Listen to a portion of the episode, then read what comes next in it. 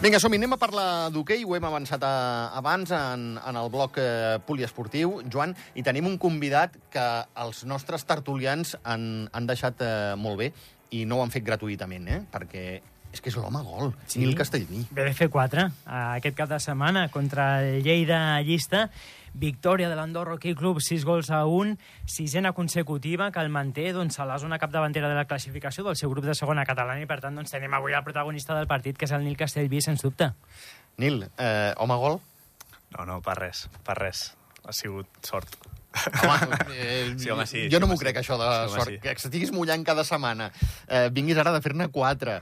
Ets home gol, home, home franquícia. L'home gol, gol és el, el Pau Palacín, sempre ho diem. I, de fet, al principi de temporada, els meus gols, com que jo no estava donat... Això de la FCAP és bastant, bastant precari, no estava donat d'alta, que per les fitxes o no sé què, i li passaven tots els gols a Palacín. Llavors hem dit de que arribaríem als, als 100 gols, a- el Pau arribaria als 100 gols. Sumant, no? Els teus Sumant els meus més els seus, que ell també em fot un munt, eh? Em fot un munt. Escolta'm, eh, m'han dit que ets molt bona persona, tu i jo és la primera vegada que coincidim, i, i jo ja t'ho veig a la cara. Eh, no hi ha missatge per aquella gent que va posar en dubte ja sé que parlo de molt temps, eh? eh entrenador, jugador, això no pot ser, això ja veuràs com no anirà bé. Bueno, sí que és cert que aquí al país el hockey és, és complicat, hi ha, hi ha gent molt hater, però, però bueno, tampoc és fàcil. No és fàcil. L'únic que sí que és cert que l'equip ajuda moltíssim. Vull dir, ja ho vam parlar al principi de temporada i, vam ficar tots els punts sobre les, sobre les is i l'equip està responent a cada partit. I es nota molt perquè estic més relaxat i, i puc aportar amb, amb gols, no? que això és, això és important. I el barret de jugador, el barret d'entrenador, els companys... Eh, bueno, anava a dir si se'l creuen. Està clar que se'l creuen, perquè aneu de victòria en victòria. Però no Sí, ha de ser sí. fàcil. No, no, no, o sigui, és- complicat, però sí que és cert que depèn de quin entreno m'haig de quadrar, perquè entre brometa i brometa això s'altera i hi ha, hi ha cops que algun crit cau, cau per allà. Home, jo crec que el Nil l'ha ajudat molt l'experiència de la temporada passada, no? que, que vas tenir una mica de, de tot i vas, vas haver-te d'enfrontar situacions complicades amb alguns jugadors importants a l'equip que van haver de marxar per circumstàncies personals també, eh, just quan us havíeu de jugar no? l'ascens de, de categoria i l'equip estava en molt bona dinàmica i després també t'ha ajudat, Nil, suposo, l'arribada de jugadors molt contrastats, no? perquè el club ha fet una aposta molt important, moltes cares noves i jugadors d'una qualitat molt superior a aquesta categoria. Sí, sí, realment la feina de, de la Junta Directiva ha sigut espectacular. Eh, ens hem reforçat amb jugadors que han estat a categories molt superiors i es nota molt. És, es nota molt tant a, a, pista com a fora de pista, de que realment entenen aquesta, aquesta forma de, de fer d'entrenador-jugador i m'ajuden amb tot. Vull dir, em despreocupo completament de, de, la, de la feina que fan. Eh, tenim a l'altra banda del fil telefònic en David Bové, el president de l'Andorra Hockey Club. Eh, David, bona tarda. Bona tarda. Eh, fixa't el que ha dit el Nil, que no sabia que estaves a l'altra banda del fil telefònic. Eh? Feina espectacular, fitxatges espectaculars. pues li vaig enviar una nota, que estaríem. Però bueno, no passa res. Bueno, bueno, David, ja saps que jo a comunicació és complicada. Joan, alguna pregunta per en David? Va. Sí, home, el David l'hem de felicitar també per la bona marxa de, del primer equip, també del, del segon, i crec que, que aquí hi ha, David, bona tarda, una aposta molt important aquesta temporada, ja ens ho vau presentar en el seu dia, quan es presentaven els, els dos equips, aquesta voluntat no, de que el primer equip sènior pugi a primera catalana i que aquest nou segon equip sènior, que és novetat també d'aquest any, pugi a segona catalana, no? S'han incrementat el nombre de- d'equips, s'han portat jugadors de fora, s'ha recuperat algun internacional, com el Carlos de Sousa, la- l'ambició i, i l'aposta del club aquest any, no sé una mica què ha estat el detonant, però, però és una aposta molt ferma, no? Bueno, aviam, ja l'any passat ja teníem intencions no? de reforçar molt a l'equip i aquest any, pues, bueno, amb la pujada dels júniors i dels juvenils, que també teníem bastants enanos, doncs ens vam plantejar doncs, això, no?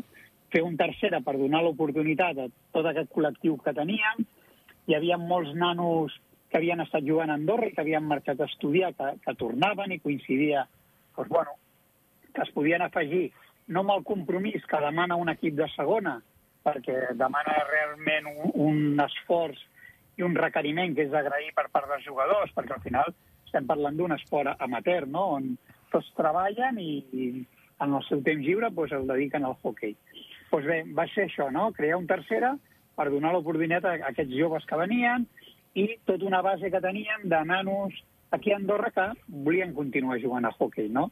Llavors, bueno, doncs el projecte era doncs això, no? fer un segona per recuperar la categoria i, i res, i un tercera amb, amb opcions de potser accedir a, a això doncs, amb, una, amb una segona catalana. Jo recordo que alguna vegada parlant amb el Pau Palacín, que, que abans dèiem, no és l'altre killer de, de l'equip, eh, i que va arribar la temporada passada, també amb experiència a Hockey Lliga, deia que l'Andorra Hockey Club al seu lloc no és a primera catalana, sinó un parell de categories com a mínim per sobre de la que està jugant en l'actualitat. No sé el president com, com ho veu. Quin ha de ser l'objectiu mm, a curt, mig termini del primer equip de l'Andorra Hockey Club?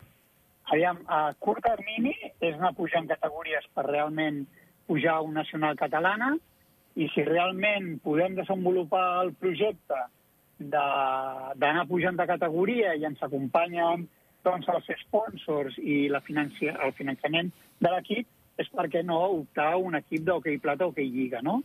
Que realment, veient com s'està movent el, el hockey a nivell de Catalunya i a nivell internacional, doncs amb un pressupost bastant més baix que el que pot tindre un bàsquet o, o el futbol, doncs podríem estar a nivells de competicions, doncs això, europees, només falta veure equips de, de baix de Catalunya que estan jugant a Hockey Lliga i, i quines opcions tenen, no? Però al final és una qüestió molt de màrqueting i, i molt de projecció de país. Nil, com d'important és eh, la, la base? Perquè pel, pel preci ho és, eh?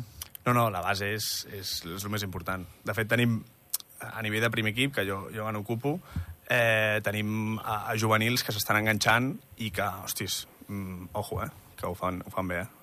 Ho fan molt bé. I té un mèrit espectacular, eh? Que, que l'hoquei patins estigui fins i tot incrementant el nombre d'equips de, de la base amb la competència que té, el futbol, el bàsquet, el que deia, no? el rugby, amb la difusió que, que tenen, i ells estan allà, no? Són una mica per mi la gàlia de, de l'esport andorrà, resistint i fins i tot ampliant el nombre de jugadors i, i d'equips té molt, molt de mèrit. Li volia demanar abans també una mica per la temporada al Nil, eh, crec, clar, això no ho veiem el dia a dia de, de l'equip, però altres temporades recordo, Nil, que ha costat molt entrenar durant la setmana, perquè per circumstàncies personals molts jugadors que estudiaven a, a, a baix doncs venien a entrenar el divendres, a jugar el, pràcticament el dia abans de, del partit, i m'imagino que també explica, no?, ara teniu més jugadors i suposo que s'està entrenant molt millor que en temporades anteriors, no? No sé, això m'agradaria que, que ens ho expliquessis. Sí, sí, realment... Eh la mínima de jugadors als entrenos són, són 10 jugadors i dos porters. I amb això, hosti, realment és molt dinàmic tant els, els exercicis que fem com els partits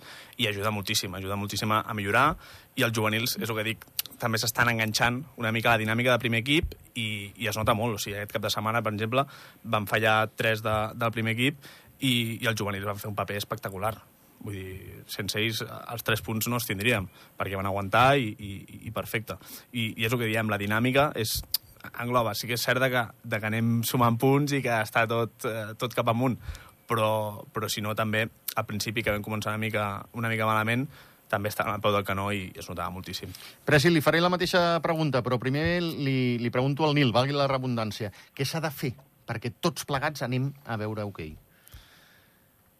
Doncs començar per aquí, començar venint aquí, eh, responent a les preguntes. Sense vosaltres això no seria possible i penso que eh, s'està fent molt bona feina eh, pel club i, i, i adaptant una mica els horaris i també estem molt contents de que, de que vingueu als partits a, a gravar trossets de, de partit, que es faci difusió i, i poca cosa més. A nivell de país és, és buscar una mica també sinergies també amb la federació, que, que està bastant complicat el tema, i sap molt greu que, que, que, que no es gestioni d'una forma que penso que, que s'hauria de fer diferent, però, però penso que anem en bona línia i, i com a club aconseguirem coses molt maques.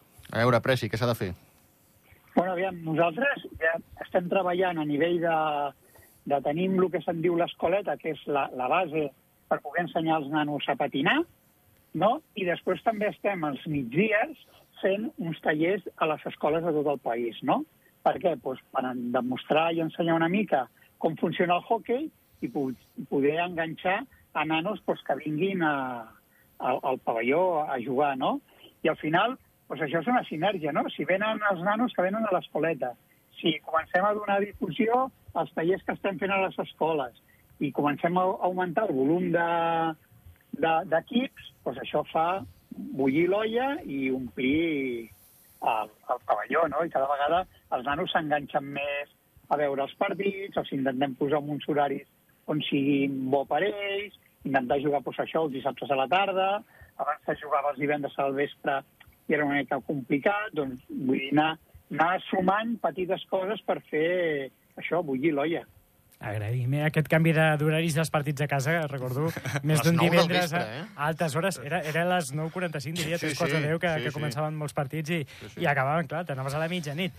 Eh, I li volia demanar al president també si dins dels objectius de creixement del club un, una de les fites passaria per, per recuperar un, un sènior femení, que recordo que fins fa doncs, poques temporades el vam tenir jugant, i era un projecte molt bonic també, no? perquè també anava lligat a, a tenir una selecció femenina que pogués doncs, competir com fa la masculina internacionalment, i, i el que passa no, amb tants altres equips de, del país, eh, és una generació doncs, que marxa del país per estudiar fora i es perd aquell equip. No sé si en el futur, a curt termini, mig termini, David, teniu aquesta idea de recuperar un equip femení en categoria sènior.